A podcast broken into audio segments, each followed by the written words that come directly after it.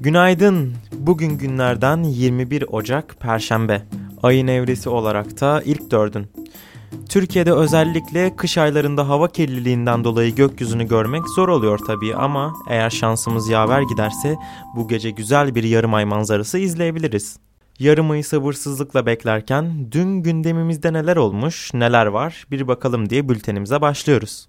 Donald Trump başkanlık görevini bırakmadan önce eski danışmanı Steve Bannon da dahil olmak üzere 73 kişiyi affettiğini açıkladı. Bannon, 2016'daki başkanlık kampanyasının mimarlarından biri olarak görülmesine rağmen 2017 senesinde hakkında çıkan zimmetine para geçirme iddiaları ardından görevinden alınmıştı. Ayrıca affedilenler listesinde yasa dışı lobicilik suçunu kabul eden eski bağış toplayıcısı Elliot Brody ve ABD'li rapçi Lil Wayne de bulunuyor. Hapse atılan bir başka rapçi olan Kodak Black ve 2013 yılında yolsuzluk ve gasptan 28 yıl hapis cezasına çarptırılan eski Detroit Belediye Başkanı Kwame Kilpatrick de affedilenler arasında. Hakkında Pamela Anderson da dahil olmak üzere birçok ismin af kampanyası yürüttü Julian Assange ve eski casus Edward Snowden ise başkanlık affı listesinde yer alamadı. Fransa Başkanı Macron'un ekibinden yapılan açıklamaya göre Fransa Cezayir'e sömürge döneminde uyguladığı yanlışlarla hesaplaşacak. Ancak bu durum için resmi özür dileme gibi bir durum olmadığı da belirtildi. Cezayir 1962'de 8 yıllık bir savaşın ardından 132 yıllık Fransa sömürgesinden bağımsızlığını ilan etmişti. Yayınlanan bir çalışma hava kirliliğini azaltmanın Avrupa'da yılda 50 binden fazla insanın hayatını kaybetmesinin önüne geçeceğini açıkladı.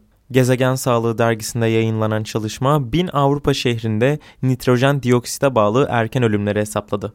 Araştırmacılara göre sadece Dünya Sağlık Örgütü'nün bu kirliliği azaltacak tavsiyelerine uymak bile yılda 51.213 erken ölümü önleyebilecek. Ancak buna rağmen birçok şehir hala hava kirliliğiyle mücadelede yeterince aksiyon almıyor.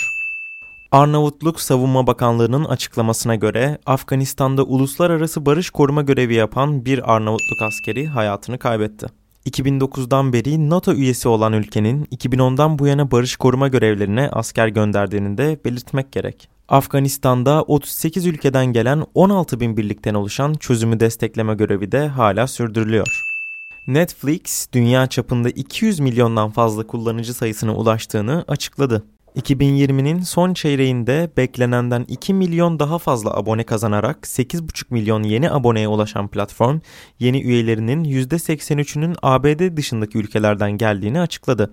Bununla birlikte ABD ve diğer ülkelerde abonelik ücretlerinin yükseltilmesi nedeniyle Netflix'in toplam cirosu geçtiğimiz yılın son çeyreğinde %20'den fazla artarak 6.6 milyar dolara, toplamda ise 25 milyar dolara ulaştı. Bugünlük bu kadar diyelim. Yarın görüşmek üzere. Şimdilik hoşça kalın, sağlıkla kalın.